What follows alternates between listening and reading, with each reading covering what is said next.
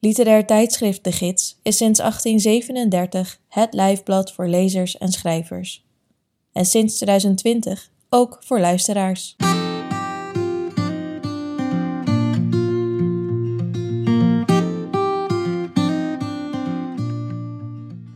Je luistert naar Sprekende Letteren, een podcast met verhalen, essays en poëzie uit de gids, voorgelezen door de schrijver of dichter zelf. In deze aflevering hoor je Francio Guadalupe. Voor ons nieuwste nummer over meerstemmigheid in de mode schreef hij het essay Het geheim van black fashion, gisteren en vandaag. Zo droegen Rastafari met hun kleding en haardracht een sentiment van anti-onderdrukking uit.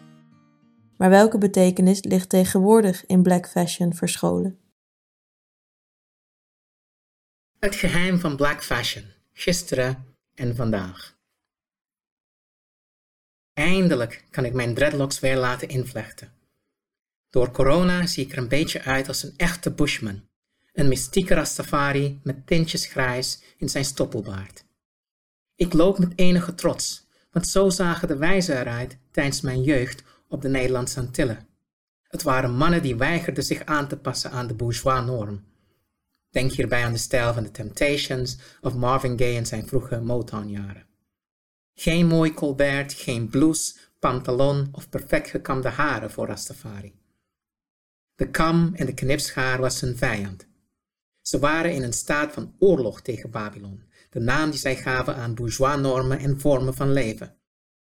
Al die mooie etiket en respect voor mensenrechten vonden zij hypocriet, aangezien die uiteindelijk waren gebaseerd op een wereldwijde ongelijkheid. Hun kledingkeuze en haardracht was hun symbool van hun strijd. Hun haar was nooit gekamd, maar dread. Ze droegen meestal afgedankte legertenues met armbandjes of een muts met de kleuren groen, goud en rood. Zo leerde ik van een van die wijzen op Aruba, genaamd Bilal, dat groen stond voor het bewustzijn dat de aarde goed was, zoals die was, voordat mensen gegrepen door waanzin de rijkdommen van de aarde gingen exploiteren. Goud en hun medemens tot slaaf maakte, of erger, vermoordde. Rood. Een echte zwarte man, zei hij, moest niks van Babylon hebben. We moesten mama Afrika lief hebben. Door hem werd ik een grote fan van Peter Tosh, Bob Marley, Bunny Wailer, Burning Spear en Jimmy Cliff. Bob Marley's War, gebaseerd op de radicale antiracistische speech van de Ethiopische keizer Haile Selassie, was mijn favoriet. Ik citeer until the philosophy that holds one race superior and another inferior is finally and permanently discredited and abandoned, everywhere is war. We say war. That until there is no longer first class and second class citizens of any nation, until the color of a man's skin is of no more significance than the color of his eyes, we say war. Einde citaat. Ik was gefascineerd door de anti-maatschappelijke houding van Bilal en het Rasta-verhaal tegen de racialisering van de mensheid. Ik droeg als tiener kettingen en t-shirts met Rasta-kleuren. Dit was het geheim van black fashion, anti-onderdrukking. Vandaag, een mooie dag in juli 2020, zijn mijn kakias en mijn losse dreadlocks een ode aan hen. Maar black fashion is altijd divers geweest. Ik hield ook van de Amerikaanse R&B-artiesten zoals New Edition, Keith Sweat, Troop, Jermaine Stewart en The Jackson 5. En door de invloed van mijn Dominicaanse oma vond ik de salseros en merengue-zangers zoals Oscar de Leon, Joe Arroyo, Johnny Ventura en Colina ook wel wat hebben. Misschien waren deze artiesten in vergelijking met de Rastafari te bourgeois qua kledingstijl. Maar belangrijker dan wat ze droegen was hoe ze hun kleren droegen met swag en estilo. Langere jassen met wijde broeken, felle kleuren, hoeden gecombineerd op een manier die nooit zomaar zou passen in een boardroom of een bank. En in sommige van hun liedjes, denk bijvoorbeeld aan Joe Arroyo's La Rebellion, zat diezelfde rebellie als die van Tosh of Burning Spear. Zij combineerden rebellie met een volledige aanvaarding van de verschrikkelijke koloniale geschiedenis die zwart zijn in de nieuwe wereld had gevormd. In hun kunst werd geen droom van een daadwerkelijk terugkeer naar een mythische Afrika levend gehouden. Diezelfde houding vond ik terug in Richard Wright's White Man Listen en C.L.R. James' Black Studies and the Contemporary Student. Klassieke teksten van gerenommeerde auteurs die zichzelf zwarte westerlingen noemden. Van laatst genoemde C.L.R. James leerde ik Rastafari te begrijpen als een beweging die niet zozeer streed voor een terugkeer naar Afrika, maar het zodanig veranderen van het Westen dat ras er niet meer toe zou doen. Naast Caribische muziek en R&B hield ik ook ontzettend veel van hip-hop. LL Cool J, Cool Modi en The Poor Righteous Teachers. Daar was de stijl straight out of the streets met klasse. Een beetje ruiger dan menig R&B-zanger. En ik leerde ook genieten van country en western, dat ook een geliefd genre is onder Afro-Caribische mensen. Dus als kind droeg ik ook vaak een cowboyhoed en een leren gilet. Eclectisch. Meestal zag ik er keurig uit, en wie goed keek, kon de mix van invloeden zien. Vandaag ook. Mijn stoppelbaard is keurig gestroomlijnd. Zo ook mijn rastakleding. Dit was hoe ik het geheim van black fashion droeg. Anti-onderdrukking in een Creoolse stijl. Ik ben op weg naar Zaandam om mijn haar te doen. Ik heb veel uitgroei. De afro begint zich te vormen onder mijn dreadlocks. Ik vertrek vanuit Den Haag, dus het wordt een lange reis. Op het perron complimenteer ik twee jongens die ook op de trein richting Amsterdam staan te wachten met hun kleding. Ze zien er hip uit, alsof ze net uit een videoclip zijn gestapt. R&B met een vleugje hip-hop. Ik denk bij mezelf dat het geheim van black fashion deze dagen een gecamoufleerde boodschap van anti-onderdrukking is. Tuurlijk, Rasta, het zijn mijn roots. Ik draag het omdat ik woke ben. Black is beautiful. Ik ben trots op mijn ras. Zegt een van hen als repliek op mijn compliment. Hij kijkt me aan en vervolgt dat hij ook een Black Lives Matter t-shirt gaat bestellen. Hij noemt me Rasta en kijkt me eerbiedig aan, alsof ik een van de oude wijzen ben. Mijn dreadlocks, stoppelbaard en kleding doen het hem. Hij vraagt of ik ook bezig ben met zwart bewustzijn. Ik lach. Hoe moet ik hem vertellen dat dat niet zo is? Ik ben bezig met anti-onderdrukking. En dat is iets heel anders. Hij is woke, maar ik ben dat niet, want in mijn wereld slaapt niemand. De woke mensen onder ons, een nieuwe naam voor hen die ontwaakt zijn uit de valse ideologie van witte suprematie, laten zich niet kisten. De woke zijn bloedserieus. Wokeness heeft zelfs een plek verworven in de Oxford Woordenboek, als zijnde, ik citeer, alertness to injustice in society, especially racism. Einde citaat. De woke eisen dat de westerse wereld en dus ook Nederland verandert. Een week geleden waren er Black Lives Matter demonstraties in Amsterdam en Rotterdam. Deze zomer gaat het om twee dingen: het coronavirus en de moord op George Floyd. Het discursieve universum van BLM. Toffe dashikis had ik naar hen geroepen.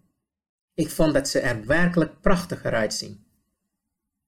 Ik had geen wokeness verwacht. Met mijn compliment doelde ik niet op politiek of activisme, maar ja, hoe kon het anders? Naïef van mij. Black Lives Matter's idee van wereldwijde witte suprematie ging toen in de lucht, waardoor complimenten over dashikis makkelijk geplaatst konden worden in dat discursief universum. En daar komt mijn academisch achtergrond naar voren. Want met het discursieve universum knipoog ik naar de Franse filosoof Michel Foucault. Hij sprak over discursieve regimes. Heersende instituties zoals universiteiten met hun disciplinaire richtingen, iconen en kanonieke teksten. Deze voeden onze ideeën over de realiteit.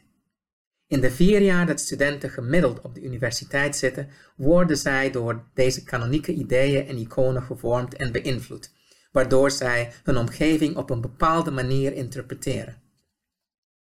Met Black Lives Matter gaat het om een vertoog dat niet dominant is binnen de heersende instituties in Nederland, maar dat toch een brede rijkwijde heeft. Het leeft in de sociale media, activistische bewegingen, en de politiek kan er niet makkelijk omheen.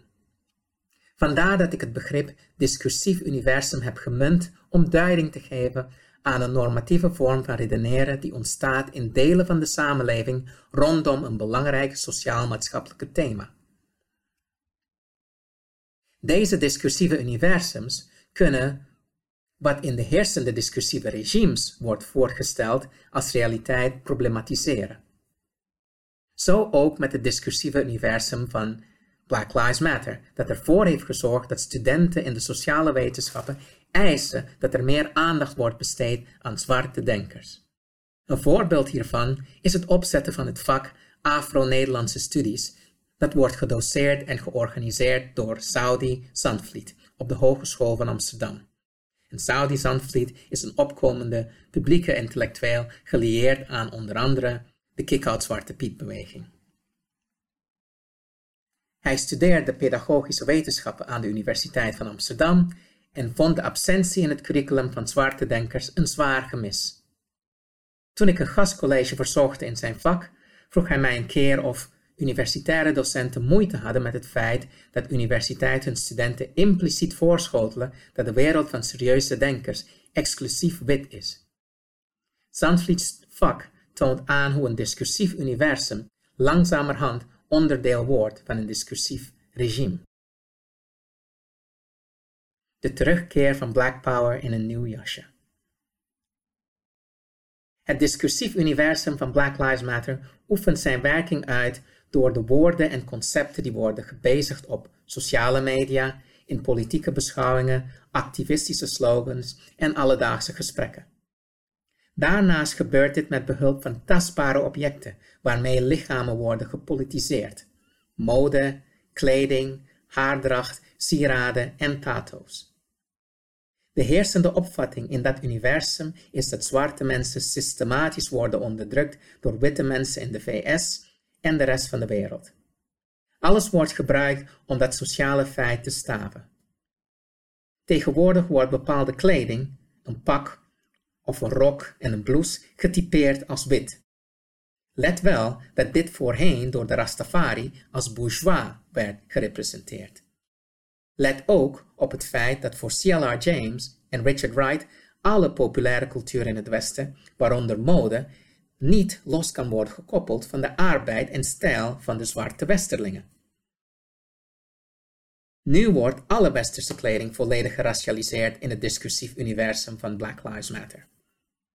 Dit valt vaak niet direct op, omdat het huidige discursief universum gebruik maakt van oudere symbolen en ideeën van de reeds bestaande antiracisme.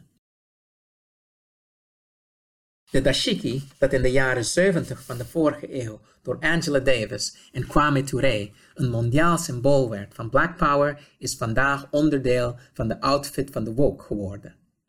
Het is een verbastering van de jaren 70. De strijd van Davis, Ture, James, Wright en Bilal was erop gericht om de wereld vrij te maken van ras. En de strijd van Black Lives Matter is de jonge man met wie ik in gesprek ben op het station is volledig in zijn sas met zijn zwart zijn. Hij lijkt antiracistisch met een liefde voor wat hij noemt het trots zijn op ons ras. Dat had C.L.R. James nooit zo geuit. Zijn huidskleur was een gegeven dat niks te maken had met zijn politieke overtuigingen. Tegen racisme en alle vormen van onderdrukking. In zijn tijd waren er natuurlijk ook veel zwarte nationalisten. Hij begreep hun woede en verlangen naar erkenning. Maar voor hem was erkenning onderdeel van het herverdelen van de wereldwijde welvaart en het ongedaan maken van ras als feit binnen discussieve regimes. Zouden alle nieuwe initiatieven zoals de Black Archives, Melanin Entrepreneurs, Kick-Out Zwarte Piet en Miss Black Hair, die onderdeel zijn van het discursief universum van Black Lives Matter, ook zo denken?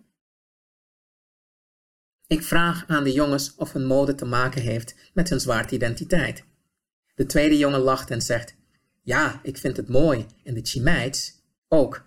Dus je weet toch? Dat laatste betekent dat ik het verder zelf moet invullen. Kleding als onderdeel van het spel van versieren. Dit antwoord had niks of hooguit zijdelings te maken met het discursief regime van Black Lives Matter. Maar misschien gaf dat juist hoop. De jongens hielden van hip-hop en jonge dames van alle kleuren. Hun vriendinnen, die aankwamen lopen, waren wit. Zou het kunnen dat velen die spreken in het discussieve universum van Black Lives Matter enkel zeggen wat zij denken dat anderen van hen verwachten te horen?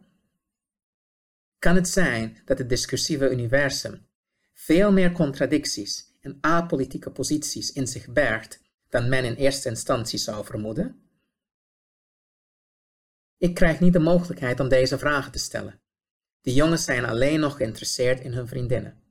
Ze zeggen gedag, wat zoveel betekent als dat wanneer de trein eraan komt, onze wegen zullen scheiden. Ik blijf perplex achter. Wat is tegenwoordig het geheim van black fashion?